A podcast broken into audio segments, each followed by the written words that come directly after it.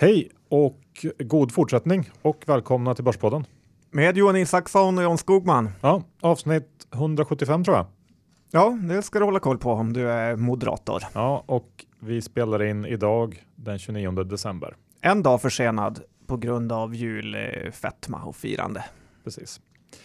Tack Diro för att ni sponsrar podden. Ja, holländarna som vet vad de gör. Giro.se, öppna konto, börja trada gratis. För det är gratis om man har mindre än en mille. Ja. Och eh, tack Lendify. Ja, Lendify, marknadsplatsutlåning blir bara hetare och hetare och eh, det är väldigt kul att se hur många bloggare som har tagit upp det här som sin extra inkomst, för man behöver flera sidoinkomster om man ska bli ekonomiskt oberoende. Så på lendify.se kan du också bli din egen bank och tjäna penningar. Så är det. Idag John ska vi först ta ett litet eh, svep genom världen vad som har hänt, kanske framförallt i Sverige sen sist. Och i andra delen så kommer vi gå igenom lite av våra spaningar inför 2017. Det blir spännande. Ja, det tycker jag. Vi var ju spot on förra året, så hoppas vi kan prestera lika bra även om vi inte är på Teneriffa den här gången, utan sitter i vår lilla källare. Ja. Innan vi kör igång får vi inte glömma att säga några ord om vår sponsor Leo Vegas också. På leovegas.com så dubblar de din första insättning och de har ju väldigt många roliga bets nu så här under jule och nyårstid när framförallt Premier League har oändligt många matcher. Man får extra pengar, de lottar ut extra pengar och har framförallt ett bra utbud. Så kika in på leovegas.com. Ja, nu kör vi igång nyårsavsnittet. Johan Isaksson. Dow Jones närmar sig 20 000 på index och det är världsrekord får man väl säga. Det är en dyr dollar dessutom och dyra aktier. Har du någon kommentar på det här? Jag instämmer väl i det, men vi har ju inte riktigt nått 20 000 va? Det är mycket snack om det, men börsen vill inte riktigt pressa sig över. Nej, så var det. Det skulle upp över det igår, men var aldrig riktigt nära. Nej, Nej jag, jag, eh, 20 000 är väl egentligen bara, det är bara någon slags psykologisk nivå som egentligen inte betyder någonting alls. Uh, vi får se, det blir väl mycket möjligt att vi pressar oss över där och en bit vidare. Men eh, jag tror att, uh, att uh, vi kan vakna upp ändå under 2017 och få se någonting annat. Men mer om det senare. Och i Sverige har det väl, vi har väl gått ner lite grann också här generellt på börsen, men det är ju tunn handel nu i mellandagarna och eh, inte så mycket egentligen att säga om det utan vi kan väl gå över och prata lite om eh, diverse bolagsnyheter som ändå har kommit ut där under mellandagarna och eh, ja, ska vi börja med eh, Transcom? Ja, det kan vi göra. Det är ju kul att eh, det kom ett bud på det här bolaget i vår bejublade EFN Eh, Eh, medverkan så sa jag att eh, det kan nog komma bud på det här och eh, det fanns ju lite på känn att det faktiskt var läge för Altor att plocka ut det här bolaget från börsen. Och egentligen är väl det här det enda budet som jag har varit med på under de senaste två åren känns det som. Jag hade tyvärr väldigt lite aktier där då jag liksom många andra blev utskrämda av att den här italienaren satt häktad och aktien bara gick ner.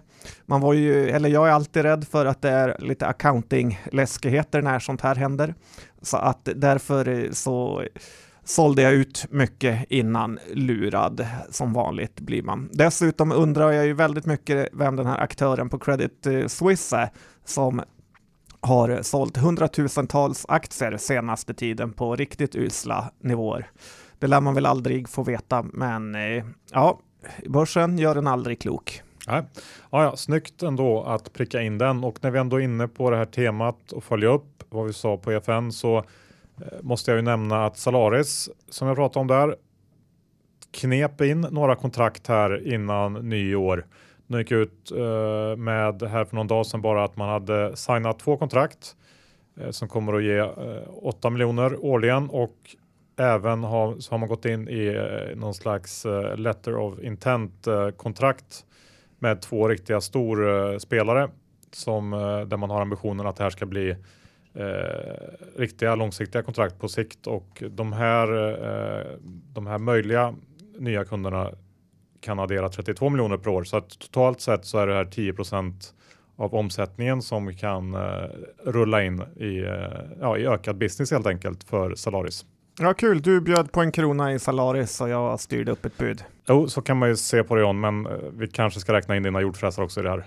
Det blir nog lite mer Ja. even Steven. Ja, då är man nog rätt nöjd med en krona i Salaris. Ja, det, äh, men dessutom så så eh, har ju faktiskt bitcoin eh, rusat eh, sista månaden. Priset börjar närma sig 1000 dollar per bitcoin nu och eh, det, ja, det har verkligen tagit fart där.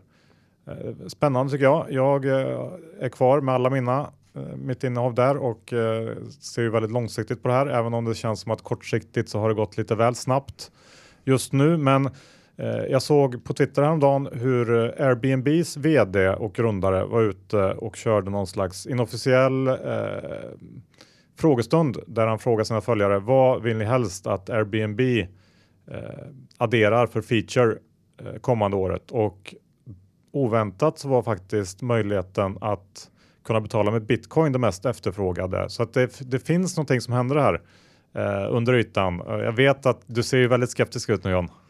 Ja, det lät som en väldigt, väldigt konstig önskemål från Airbnbs eh, bo. Ja, jag vet inte. Det var ju, det var ju hans följare som ville det. Du kan gå in, man kan gå in och kolla. Darknet-följarna. Nej, nej men eh, det här är på riktigt så att det här ska man ha koll på faktiskt. Eh, när vi ändå är inne på avtal också som har slutits så måste jag ju ta upp att Studsvik eh, fick ett fint avtal med Areva som kommer att använda, använda Studsviks eh, torteknik här på en an- anläggning som ska byggas i Frankrike och i samband med det här avtalet så erhöll Studsvik en royalty på 18 miljoner kronor eh, och sen så kommer man också då tillhandahålla konsulttjänster tjänster för det här bygget. Och eh, det är kul att, eh, att äga bolag. Många bolag ser man ju går upp eh, 10-20-tals miljoner på en order på 100 000 ungefär. Men eh, Studsvik tror jag gick upp med 8 miljoner i börsvärde när man då får in eh, den här royaltybetalningen som ju rinner rakt ner i kassan på 18 miljoner. Så att det är lite omvända förhållanden i mina bolag, men jag är ändå glad över den här nyheten. Ja, men börsen vet ju att kärnkraften ska läggas ner Johan. Ja, vi tror vi kan återkomma till det lite senare. Ehm, um, Heliospectra John, vill du säga några ord om? Ja, det har ju faktiskt varit öppet för lite gratispengar här på börsen för den som hade ögonen öppna. Bolaget hade en jättestor övertilldelningsoption som gjorde att man fick köpa allt man ville på 6,50 och eh, det är därför aktien är ner ganska mycket idag då man eh, fick tillgång till sina eh, gratisaktier då idag. Och det här bolaget är väl lite tveksamt eh, kan jag tycka då de inte har egentligen presterat eh, så mycket förutom lite haussiga meddelanden och en hel del nyemissioner. Eh, men de verkar ju inom en HC-sektor. Det är ju då belysning för Mariana-odlingar och det är ju rätt hett nu i staterna så att det är ganska svårt att göra någon riktig bedömning vart det här kommer gå. Men bolaget är i alla fall uppe på tapeten. Okej, ja, får man hålla ögonen på. Sagax Pref då? Ja, börjar faktiskt eh, komma ner lite för mycket i min bok. Sagax D-aktien har ju kommit och jag tror många har gjort som jag eh, trodde att man skulle göra och borde göra, att man säljer sina preffar och köper D-aktien. Eh, sen har ju räntorna också kommit upp och det har ju straffat alla preffar inklusive Sagax. Men nu här på 30 spänn så tror jag nog att eh, den här Sagax-preffen är för billig. Jag tycker man kan jämföra den med Balder-preffen och eh, den handlas i 320 eh, och eh, Sagax då jämförande skulle vara då 300 fast eh, 30 kronor. Och eh, jag är då köpare på Sagax-preffen på 30. Ja, det är ju inte jag, men eh. Ja. Sälj då. ja, jag har inga att sälja. Hade jag haft så hade jag sålt för länge sedan. Vi, vi lämnar det här eftersom vi inte riktigt kom överens och säger någonting om det Günther eh, Mårder gjorde igår var det va? Han var ute och twittra. Han hade gått in i ett nytt bolag, Mindmancer, är numera en av de största ägarna där och eh, aktien steg 20 plus procent någonting. Ja, den var upp som mest 30 procent och eh, Günther-effekten är numera ett eh, begrepp. Det är bra jobbat av honom. Nu hoppas jag att hans barn kanske inte behöver äta medhavda popcorn nästa gång de går på bio. Eh, jag delar ju i grunden inte Günthers optimism kring det här bolaget och eh, man kan väl ta upp att det var de som hade i uppdrag att skydda Gävlebocken med sin finfina algoritm så skulle de hitta vilka som utgjorde ett hot. Men Gävlebocken brann ju ner första dagen. Den ställdes ut eh, så att man blir inte jätteimponerad. Eh, jag har också varit på någon bolagsperson, eh, bolagspresentation, vilket inte heller gjort mig imponerad. Så ja, jag skulle inte köpa aktien, framförallt inte den är upp eh, 30 procent. Men never bet against eh, Günther Morners eh, Twitterkonto Johan. Just att skydda djävulbocken känns ju som ett kamikaze-uppdrag så att, eh, att döma ut Mindmenser på grund av att man misslyckades där eh, tror jag ändå att man ska vara lite försiktig med. Men, eh, Men första dagen Johan? Ja, visst. Ska vi avsluta första Kanske var blankarna som eldade upp den. Ja, det kan det ha varit. Ska vi ta och avsluta första Eller Günther del... som ville köpa billigt. ja, jag vet inte vem det var, men, men eh, jag tycker inte att det är jätterelevant ur, ur ett analysperspektiv. Vi eh, lämnar det och går över till eh, R&B Kappahl. Ja, det har varit eh, lite av en kläd-comeback här sista tiden. Det, VRG har också kommit in med rapport och där har ju alla rapporter varit eh, fina, kanske framförallt R&B som eh, gått upp som att det har fått ett bud på sig kring 30-40 eh, procent den dagen. Och eh, det här är ju det absolut bästa kvartalet för R&B som, eh, vad innehåller de Johan? Värt att repetera. Är det verkligen det? Ja, Polarn Pyrot, NK Brothers. Ja, och eh, kul att du är rapp. Vad gäller Brothers så är jag ju lite tveksam till det konceptet då jag, när man är på Bromma Blocks så känns den butiken för det mesta tom. Polarn och Pyret har jag ju fem av fem eh, stjärnor i mitt betyg då det är ju high quality märke och det mammorna älskar att slösa bort pengar på. Eh, de gnäller lite i sin rapport på att NK har det tufft för att det byggs utanför, eh, vilket för mig låter lite som en bortförklaring. Då jag tror ju främst att det är high-end som kommer drabbas av internet världen när man köper mer på internet och kan jämföra kvallapriser mot varandra jämfört med low-end varor. Men sen har de den här nya satsningen på Man of a Kind Johan. Känner du till den? Ja, det gör jag. Känner du till mina härliga Marc Jacobs jeans jag köpte? Ja, de känner jag till. Vad tycker du? Ja, de, de, jag vet inte, de är inte jättesnygga tycker jag. Tack. Eh, jag ska kanske skicka ut en bild på dem sen. Eh, men så här är det ju att det var väldigt fint förpackat, för det här ska vara liksom någon typ av lyxhandel på nätet då. Och, och dessutom fick jag ju ett väldigt fint julkort som var handskrivet. Eh, eh jag tror många kan gilla det här att man handlar på nätet, men det är ändå någon typ av personlig eh, relation man får. Det här kan jag faktiskt tycka är värt att kolla vidare jag var ju rätt kritisk eh, till en början till hela Man of a Kind-konceptet. Men man får ändå säga att man måste ge lite cred till folk som tänker helt eh, nytt. Och eh, själv, vad gäller aktien så har jag vänt så många gånger med köp och sälj den här så att jag knappt har någon trovärdighet kvar ens för mig själv Johan och eh, det säger rätt mycket. Ja, men då lämnar vi där. Vi eh, går över till eh, det som du tänkte skulle bli egentligen en debattartikel i DI, men eftersom du inte orkar skriva så får du ta det här. Ja, jag skrev tre rader och kom ännu en gång på varför podd är mitt eh, format, Johan. Men det här med pensionärerna, det är ju när den svenska loser-mentaliteten är som allra störst. Överallt läser man hur synd det är om pensionärerna och medierna bryr på duktigt.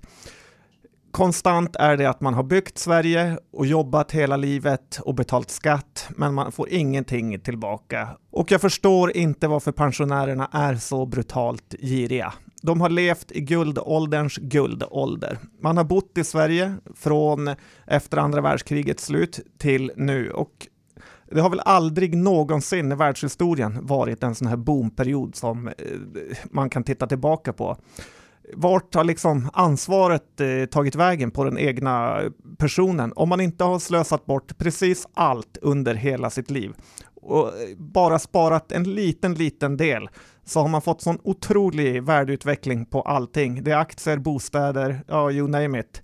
Och eh, det här med att man har byggt Sverige är ju nästan det värsta av allt. Eh, att det är ingen som går runt och tänker att man är med och bygger Sverige, utan man har ju liksom bara funnits och bott här. Eller om du Johan sa till mig att nu har du byggt Sverige i 35 år och du förväntar dig få väldigt mycket tillbaka så hade jag ju tyckt att du var helt sinnessjuk. Så sluta upp nu alla pensionärer och vara så patetiska. Och eh, ni får antingen betala priset för att ni levt loppan under guldåldern eller bara jobba vidare. Okej John, nu är det dags för eh, det alla väntar på. 2017 eh, års raketer, kanske? Ja, det känns lite tuffare i år än det har gjort tidigare år då börsen eh, till och med jag börjar känna det viss eh, tak har vi kommit till. Ja, nej, men jag håller med. Det är svårt, men så ska det ju vara. Hur ska vi göra? Ska du börja eller ska jag börja? Vad säger du? Ja, fråga mig. Ja, börja då. Vi tar det bästa först som det brukar heta Johan. Ja, gör det. Jag tror ju att det här med e-hälsa kommer vara något som man kan foka på. Dels eh, för att det kommer vara extremt eh, effektivt att inte behöva gå till läkaren och eh, att man liksom mer kan hålla koll på hur man själv mår via alla möjliga värden. Hittar man rätt bolag i den här sektorn så tror jag verkligen man kan göra många gånger pengarna. Okej, okay, är det här någon typ av eh, snacka egen bok för det här Aino-projektet? Ja, det är ett bett jag har på det eh, bolaget, men det är svårt att säga vilket bolag som kommer lyckas. Och, eh, ja, men har du något mer då? Nej, jag vet inget mer i Sverige faktiskt. Okej. Okay. Ja, men visst, det är ju ett tema som eh, jag också kan köpa att det skulle kunna bli någonting av. Vad har vi mer? Ett litet bortglömt och hatat bolag är ju faktiskt Semcon, Johan. Det är ett av de sämsta och oärligaste ägarna som ligger bakom det här bolaget. Eh, bolaget är dessutom väldigt svajigt och resultatet är rätt oberäkneligt. Eh, det som är positivt är ju då att alla andra också tycker så här, därför är bolaget rätt eh, billigt. Om Semcon bara fick lite ordning på sin lönsamhet eh, skulle det här kunna vara ett riktigt bra case. De är för mycket exponerade mot bilsektorn kan man tycka, men det är ju nästan bra att vara det i det här läget eh, då det verkar gå som eh, tåget för bilförsäljningen. Så håll utkik för Semcon under 2017. Mm, okay. Och sen tror jag ju att Nibe kan bli uppköpt eller gå helt brutalt bra. Det känns som att bolaget har allt man vill ha, eh, särskilt nu när oljepriserna har gått upp. Eh, Gert-Erik, som är grundare av det här bolaget och hängt med i evigheter, är eh, lite till åren kommen och kanske redo att lämna över det här till något större. Och många vill ju in på bergvärme och luftpumpsområdet. Lite orolig var man när oljepriset kraschade för eh, den här marknaden. Men nu när det återhämtat sig så känns det här caset helt eh, klockrent. Och hade Nibe varit amerikanskt eh, så hade det nog värderats till 50 eh, högre kurs tror jag. Så Nibe, håll utkik där med. Och sen tror jag ju faktiskt, och det här kanske kommer lite oväntat, men att eh, 2017 kan bli blankarens år. Så var inte rädda för att ge er in i den här så kallade blankarmarknaden, utan försök hitta bolag som ni tycker är högt värderad och ger på bolaget när läget är rätt. Det är alltid tajmingen som är det viktiga, för då kan man faktiskt tjäna en rejäl hacka. Och det finns ju ingenting som är så kul att eh, tjäna pengar när andra eh, förlorar pengar. Så är det. Alla blir eh, fattigare, men inte bara behåller du pengarna, utan du får även ännu mer pengar i din eh, plånbok att köpa aktier för sen. Så ja, försök läs på lite om blankning.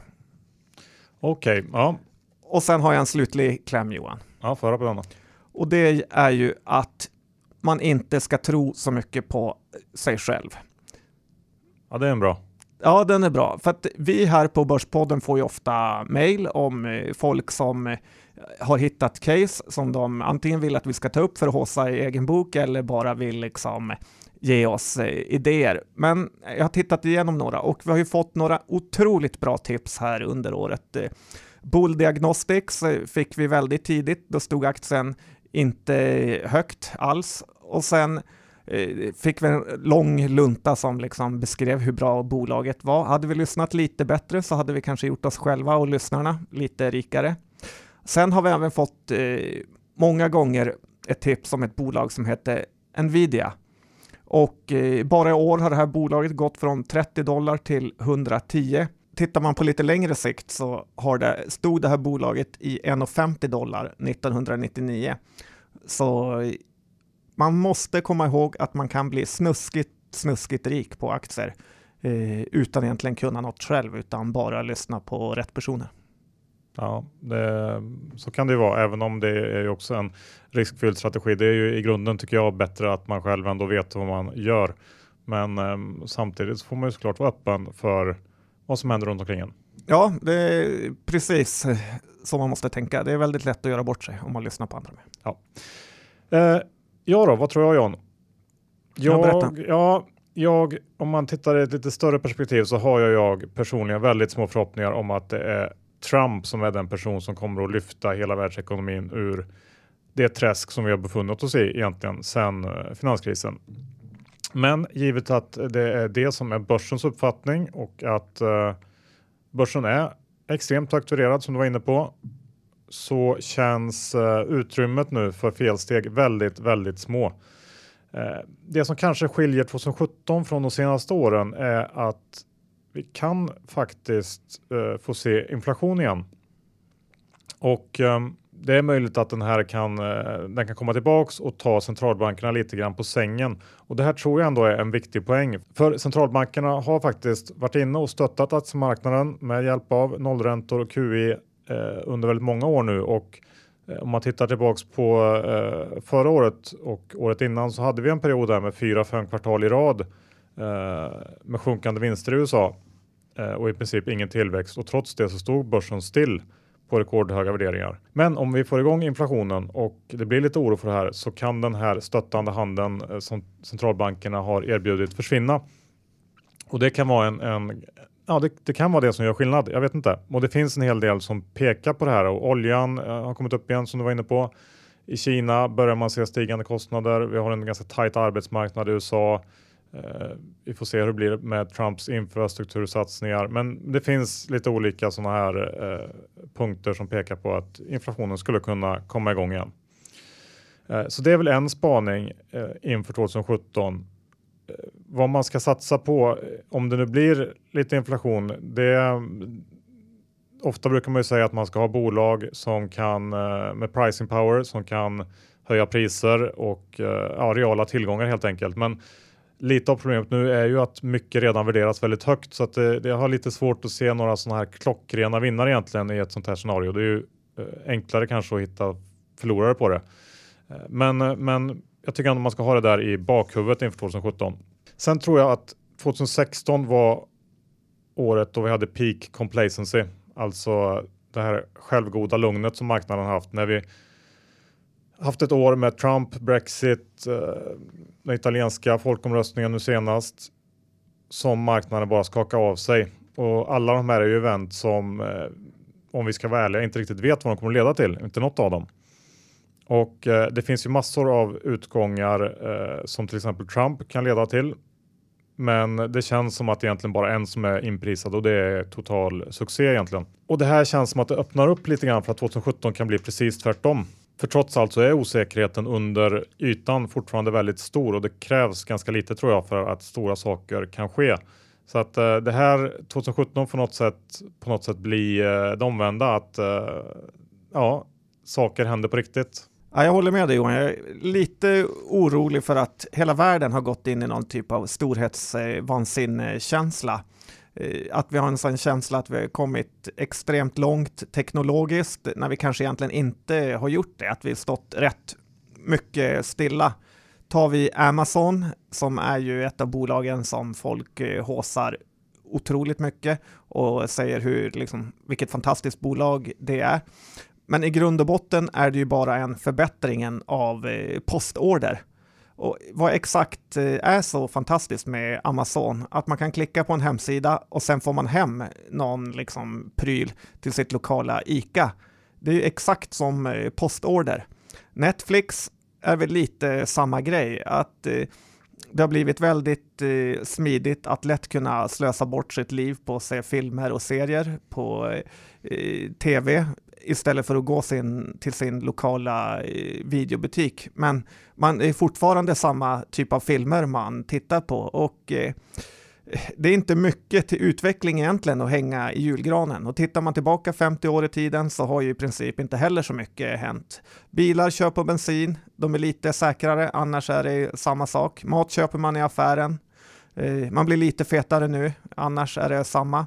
Eh, såklart finns det saker som blivit bättre också, men lite får man lugna ner sig med att eh, tro att vi är på någon typ av teknologisk superspets för att vi har Facebook i mobiltelefonen. Ja, ja. ja men det, det, där håller jag faktiskt helt med om. Och om man ska knyta ihop den här spaningen på något sätt så får man ju säga att eh, det är ju i grund och botten mycket trevligare att investera på börsen när den uppfattas som osäker. För den är ju alltid det oavsett. Men då får man ju eh, på något sätt också betalt för att ta på sig den risken och det är väl det som är problemet nu lite grann att det får man inte. Vi lämnar den grejen där. Eh, jag tror 2017 också blir året då vi faktiskt får se en rejäl slakt bland börsens eh, lite mindre bolag som inte tjänar pengar. Det här har vi pratat om länge nu. Jag tror att vi kanske sa det förra året också så att det känns ju inte riktigt eh, rätt om vi får rätt på det här. Men vi måste ändå slänga in det igen tycker jag för att eh, det finns för mycket av den här typen av bolag nu och förr eller senare så kommer de att knäckas av sin egen tyngd. Det var på ett julbord med en corpora, corporate finance toppkille som sa att 2017 kommer bli företrädarnas eh, år och eh, om någon så borde han ha koll. Så nyemissionerna kommer stå som spön i backen. Ja, det tror jag med. Eh, om vi ska gå in då på några spaningar eller eh, grejer jag har som är lite mer specifika som man kanske kan eh, agera på så tror jag att eh, pundet tror jag kan bli en vinnare 2017. Pundet har ju tappat eh, ungefär 10% mot kronan under 2016 och det är ju en riktig bedrift och jag tror att man har tappat ungefär 15% mot någon slags korg av de större valutorna. Men om vi tittar framåt så finns det gott om argument för att det kan bli tvärtom under 2017.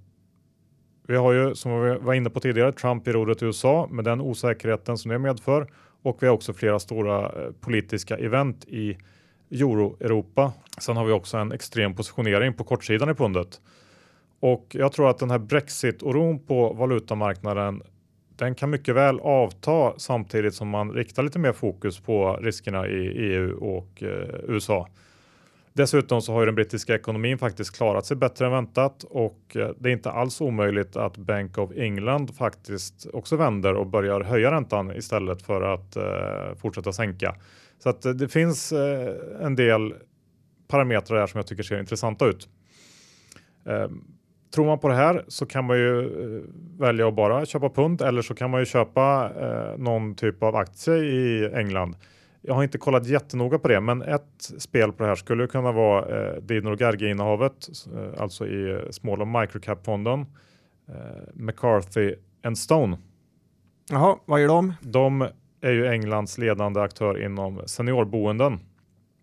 Jag vet inte om vi pratade om det här bolaget när de var här och gjorde en intervju i podden. Men det här är i alla fall ett bolag som eh, bolagets kunder är ungefär 75-80 år och säljer ofta sitt eh, hus eller sin lägenhet för att köpa ett eh, mindre och mer lätthanterligt boende. Och eh, ja, det här är ju en verksamhet som på något sätt också spelar in i det här demografitemat. Folk blir äldre, man, eh, man gör den här typen av förflyttningar. Bygger de eller förvaltar de? Ja, de bygger och säljer sen vidare lägenheter till seniorer som vill eh, ha ett enklare liv helt enkelt. Magnolia för gamlingar. Och kanske få loss lite pengar. Ja, jag skulle kanske vill inte jämföra med Magnolia som jag inte gillar, men, men det här tycker jag ser ändå spännande ut och dessutom så är den här aktien ner ungefär 35% sedan Brexit. Um, och jag tror att det finns en ganska stor god chans att marknaden är lite för negativ här. Så att McCarthy and Stone blir ju ett pick på det här pundspelet. Behöver kan vara helt okej utan att pundet blir vinnare också. Så det blir en liten uh, dubbel, uh, dubbelbett här. Ja, det är ju alldeles för lite kunskap man har om den brittiska marknaden, men lite förstör de ju för sig själva med sin typ av transaktionskostnad eller skatt de har på varje aktie när man köper. Ja, men du får köpa och hålla då helt enkelt. Inte min grej Johan. Sen tänkte jag gå över till, eh, jag såg en, det här eh, caset har jag snott rakt av egentligen av eh, förvaltaren John Burbank som jag såg en intervju, eller hörde en intervju med och det här kallade han för the least crowded trade in the world. Jaha. Och det är eh, Saudiarabiens aktiemarknad. Eh, Saudiarabien är faktiskt det är världens 14 största ekonomi eh, och har 22% av världens oljereserver. De har en riktigt intressant demografisk eh, profil. Två tredjedelar av befolkningen är under 30 och man har precis påbörjat ett jättestrukturprogram i Saudiarabien för att reformera hela landet. Man har fått in en ny ung ledare som vill försöka förändra saker i grunden. Det här i sig är väl eh, lite halvintressant sådär, kanske inte någonting man bara kastar sig på, men eh, det som är intress riktigt intressant i det här är att Saudiarabien har egentligen nollvikt i utländska portföljer. Den saudiska börsen är ägd till 2% av utländskt kapital. Eh, och det finns en ganska god möjlighet att man kommer in i eh, MSCI's Emerging Market Index eh, de kommande åren. Och kollar man på Saudiarabiens aktiemarknad så handlas den till P12-13, eh, Drakta kastar eh, lite drygt 4% och eh, det ser ganska billigt ut helt enkelt. Och man har de här eh, förändringarna som håller på att hända och eh, är väldigt underägt. Så att jag tycker det känns som en intressant eh, alla fall som en intressant, eh, en intressant diversifiering i en portfölj. Ja, det låter i och för sig som det absolut minst jag skulle vilja äga ett land styrt av massa sinnessjuka shejkar som leker med geoparder och, och andra tokigheter. Så jag hade i och för sig en annan tanke att HBO skulle göra en tv-serie om hur hovlivet är i Saudiarabien. Ja, men det där är väl bilden av Saudiarabien kanske och det är ju en av anledningarna antar jag till att det är så underägt. Men du får ju jämföra med, här slåss man ju med länder som eh, liksom eh, Venezuela, Argentina, eh, konstiga asiatiska länder som inte heller är supertrevliga på sina sätt. Så att du ska ju inte kanske jämföra med Sverige, Norge och Danmark. Nej, nej men intressant men, att du tog upp det. Finns det någon fond att köpa? Ja, det finns. Det finns. Jag har hittat en ETF som gör att man ganska enkelt kan få access till den här marknaden som heter KSA iShares eh, Saudi Arabia Capped ETF som har 70 innehav på den saudiska börsen och eh, ja, det skulle kunna vara någonting för den som vill bredda sin emerging markets portfölj helt enkelt. Ja, bra spaning. Min sista punkt inför 2017 och det här blir ju lite av en, en återupprepning, men jag tror ju att 2017 kan bli året då uranbolagen gör comeback.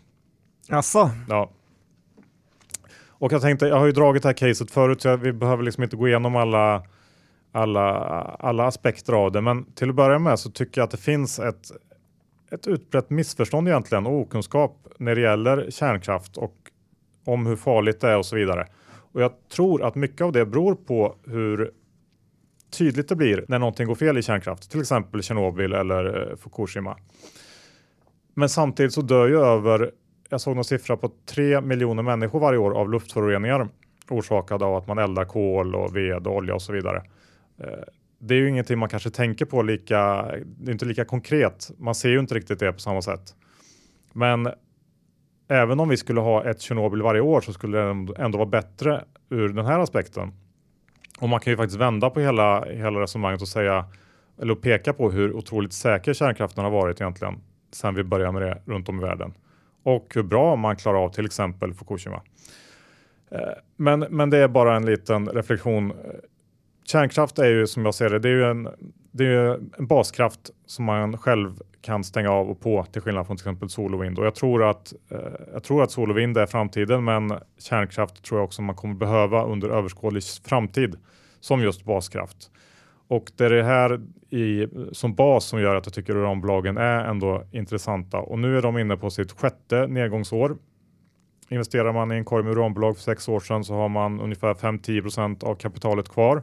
Och det som gör att jag tror att det kan börja bli dags att titta på uranbolag det är ju att det byggs faktiskt mer kärnkraftverk nu än på väldigt många decennium och eh, Eh, Eh, baserat på det här så kommer efterfrågan att vara ungefär 35-40% högre om 10 år än vad den är idag.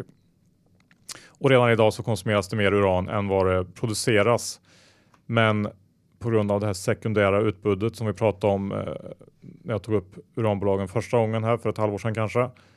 Så har uranpriset pressats under många år. Det är ju ett, då ett sekundärt utbud ifrån till exempel gamla nedmonterade kärnvapen och, och andra typer av lager som ligger runt om i världen. Och det är mer eller mindre omöjligt att veta när det här flödet tar slut och när det vänder. Men det mesta pekar på att vi närmar oss en sån punkt. Och när det väl inträffar så ska man veta att det tar ungefär tio år att få igång en ny urangruva, vilket gör förutsättningarna för stigande priser ganska goda när det här överutbudet är borta. Eh, så att det här, det, jag tycker att det känns som en spännande, eh, ett spännande bett inför 2017. Eh, det kan mycket väl vara något år för tidigt, men jag tror att det kan bli 2017 som blir uranbolagens år. Ja, det låter lite spännande det här med att man har tappat 95 procent av värdet på sex år. Å andra sidan så kan det lite vara känslan av att man är den som eh, producerar skrivmaskiner eller något liknande och det kanske aldrig vänder upp. Stormen Urd gjorde att vi i Sverige producerar 25 procent av all eh, el via vindkraft, vilket är ju imponerande. Absolut, men nu blåser ju inte Urd, Urds vindar varje dag i Sverige så att det är lite svårt då. Men visst, vind och solkraft är ju helt klart eh, framtiden och det känns ju även som att det kanske kan vara så att 2017 blir året där man ändå börjar ta eh, miljön lite mer på allvar. Jag tycker man ser allt oftare bilder från olika håll runt om i världen hur, eh, hur illa ställt det är med miljön. Eh, framförallt i Kina kanske där man eh, nyligen hade problem med, med att flyga eh, till och från Shanghai, Shanghai eller eh, vad det nu var, Peking kanske, för att eh, det var för mycket luftföroreningar. Och eh, där är man ju också till skillnad från väst kanske lite mer rationell när det gäller vilken energi man ska producera och där byggs det ju överlägset mest kärnkraftverk av alla ställen runt om i världen.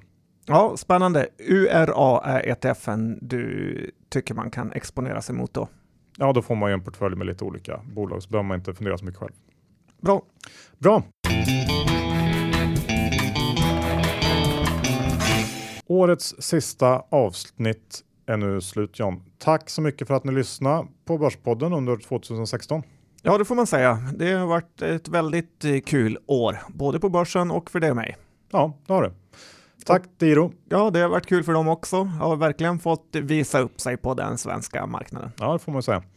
Och eh, Lendify, tack för att ni har sponsrat Börspodden. Ja, det har ju varit ett stort genombrott för Lendify och eh, som sagt, gå in och se om det här kan vara något för dig. Det är ju en väldigt kul komplement till ens aktieportfölj. Ja. Och Leo Vegas ska vi inte glömma. Vill man spela lite nu under ledigheten, då är ju det vårt val. Ja, är börsen stängd och du måste ha något för att få spänning för, så gå in på leovegas.com. Yes. Ska vi gå igenom eh, vilka bolag vi äger i dagens avsnitt John? Ja, men det tycker jag vi kan göra så här när man stänger portföljen vid årsskiftet. Det Vill du börja? Ju, ja, det var ju faktiskt en hel del. Jag tog upp både Salaris, Bitcoin och Studsvik som jag ju äger. Uh, du pratar lite kort om uh, e-hälsa och Aino. Där har jag en liten skvätt också och jag har ju uran ETFen URA som vi var inne på. det var nog allt. Hur är det med dig John? Ja, jag har ju också en del som sig bör. Aino är ju eh, har jag mycket av, även om jag har minskat ner lite sista dagarna när den har kommit upp då jag höll på att bli överköpt. Men Aino ska bli spännande att följa. Sen har jag också köpt R&B. Eh, får se vad som händer där. Och eh, Semcon såklart. Eh, vi har inte mycket överlappande portföljer Johan. Nej, det är väl jättebra det. Ja, då går det bra för någon i alla fall. Ja, kul. Gott nytt år så hörs vi 2017 igen. Gott nytt!